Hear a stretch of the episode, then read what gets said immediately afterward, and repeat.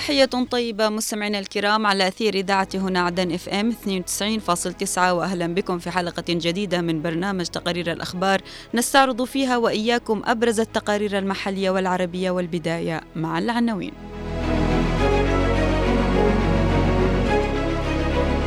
مكتب المحرمي يطلع على عمل المرحلة الأخيرة من مشروع الطاقة الشمسية بالعاصمة عدن. تأثير تداعيات الحرب في البحر الأحمر وباب المندب على الصيادين. آلة الحرب الإسرائيلية تواصل حصد أرواح الفلسطينيين.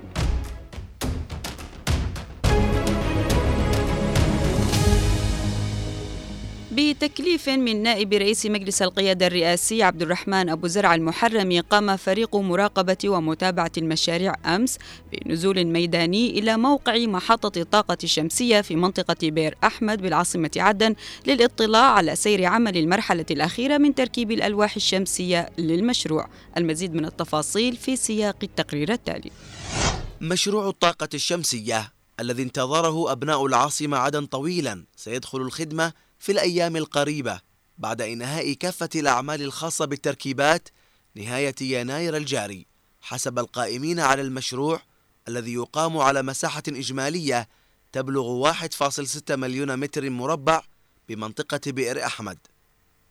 حيث قام فريق مراقبة ومتابعة المشاريع بمكتب نائب رئيس مجلس القيادة الرئاسي عبد الرحمن أبو زرع المحرمي صباح أمس بنزول ميداني إلى موقع محطة الطاقة الشمسية الممول من دولة الإمارات العربية الشقيقة مطلعا على سير عمل المرحلة الأخيرة من تركيب الألواح الشمسية. وخلال الزيارة استمع الفريق إلى شرح مفصل حول مراحل الإنجاز والصعوبات التي ترافق سير العمل ومدى الإنجاز التي حققت خلال الأيام الماضية للوصول إلى المراحل الأخيرة كما قام الفريق بجولة تفقدية لموقع المحطة مبديا ارتياحه لما شهده من وتيرة عالية في العمل وتركيب الألواح الضوئية عقب إنجاز أعمال الأساسات والصبيات الخاصة بالألواح والمحطات التحويلية. المدير التنفيذي للمشروع المهندس سامي الغوري نوه بأن مرحلة التركيبات وتسليم القواعد الخرسانية من المقرر أن تنتهي في الرابع والعشرين من شهر يناير الجاري ومدة المرحلة الثالثة تستغرق 45 يوماً من بدء العمل وتسليم المشروع بشكل كامل سيكون خلال الأشهر القريبة القادمة. الجدير بالذكر أن زيارة فريق مكتب النائب أبو زرع المحرمي إلى موقع محطة الطاقة الشمسية تأتي ضمن برنامج نزول ميداني نفذه الفريق منذ بداية المشروع بهدف متابعة سير العمل والإشراف عليه وذلك في إطار الاهتمام والحرص على إنجازه في الموعد المحدد وعدم مماطلة التنفيذ. ويعد مشروع الطاقة الشمسية حلا جذريا لأزمة الكهرباء في العاصمة عدن من خلال وضع حلول على أرض الواقع بما يقود إلى تخفيف معاناة المواطنين بجانب خفض الإنفاق والخسائر الكبيرة التي تذهب لشراء الديزل والطاقة المشترعة.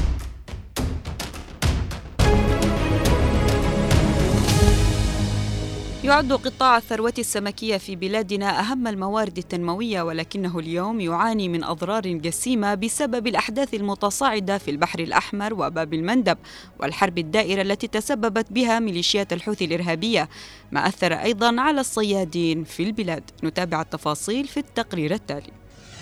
تلقي الأحداث المتصاعدة في البحر الأحمر بطبيعتها على أنشطة الصيد في البلاد لتضيف المزيد من المتاعب للصيادين الذين يعانون من انحسار أعمالهم وتضرر موانئ الصيد والقوارب بفعل سنوات الحرب التي مزقت البلاد. وتبدي جمعيات عاملة في مجال الاصطياد السمكي قلقها ومخاوفها الشديدة. جراء ما يتعرض له هذا القطاع من تدهور خطير وانتشار البوارج والقطع البحرية في مياه البحر الأحمر وتأثير ذلك على مناطق الاصطياد في البلاد. وتأتي هذه المخاطر لتضاف إلى تداعيات استمرار ممارسات جرف الثروة السمكية وتهجيرها واستنزافها من قبل أباطرة صيد إقليميين دوليين كما هو حاصل في مياه محافظات حضرموت وسقطرى والمهرة. ويرى خبراء في الاقتصاد والبيئة أن هناك أضرارا بالغة للسفن الحربية المنتشرة في الممرات المائية والتواجد العسكري للبوارج والسفن الحربية يسبب خطورة في تدمير مناطق الاصطياد حيث يمنع الصيادين من البحث عن بدائل الاصطياد السمكي إضافة إلى الأضرار الناتجة جراء رمي الملوثات المختلفة في السواحل والمياه.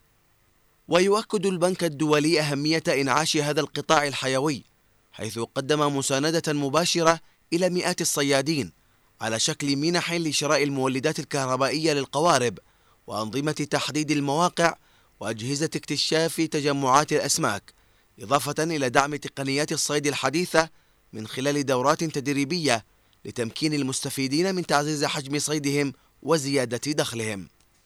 الجدير بالذكر أن سواحلنا تمتلك موارد سمكية وفيرة كما تعد منتجا رئيسا للأسماك بحسب البيانات الصادرة قبل الحرب على البلاد عام 2015 والتي ترجح وجود أكثر من 350 نوعا من الأسماك وغيرها من الأحياء البحرية في مياه بلادنا الإقليمية.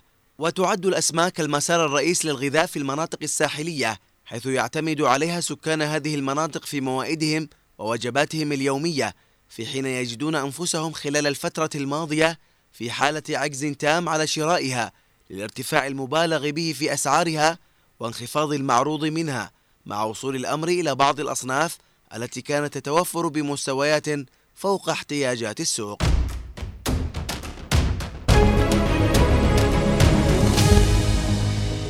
جدد الاحتلال الإسرائيلي تعهده بمواصلة حربه على غزة حتى النهاية رغم تصاعد الضغوط الدولية عليه وبذلك ارتفعت حصيلة الشهداء إلى 23210 شهيد غالبيتهم من النساء والأطفال بحسب وزارة الصحة في غزة إضافة إلى أكثر من 7000 شخص في عداد المفقودين تحت الأنقاض.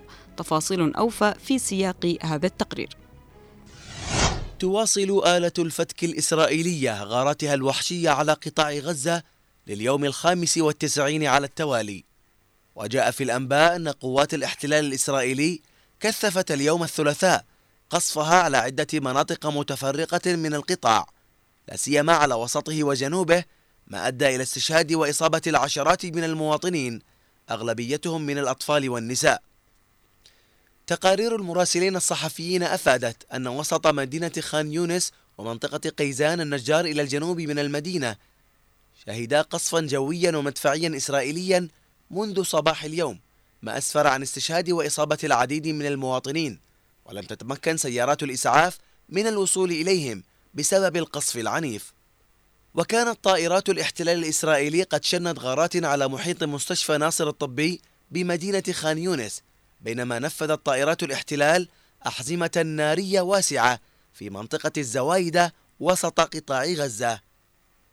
وكانت قوات الاحتلال الإسرائيلي قد نسفت منازل سكنية في الأحياء الجنوبية لخان يونس جنوب قطاع غزة. فيما أعلنت منظمة أطباء بلا حدود عن أن قوات الاحتلال قصفت مأوى للمنظمة في خان يونس وقالت إن قذيفة أصابت مأوى في خان يونس تابعا لها يضم أكثر من مئة موظف وعائلاتهم. وفي تطور آخر استشهد وأصيب عدد من المواطنين جراء استهداف الاحتلال الإسرائيلي منزلا ومركبة في مخيم النصيرات وسط قطاع غزة في إطار القصف الوحشي الذي تقوم به قوات الاحتلال الإسرائيلي على مناطق متعددة في قطاع غزة.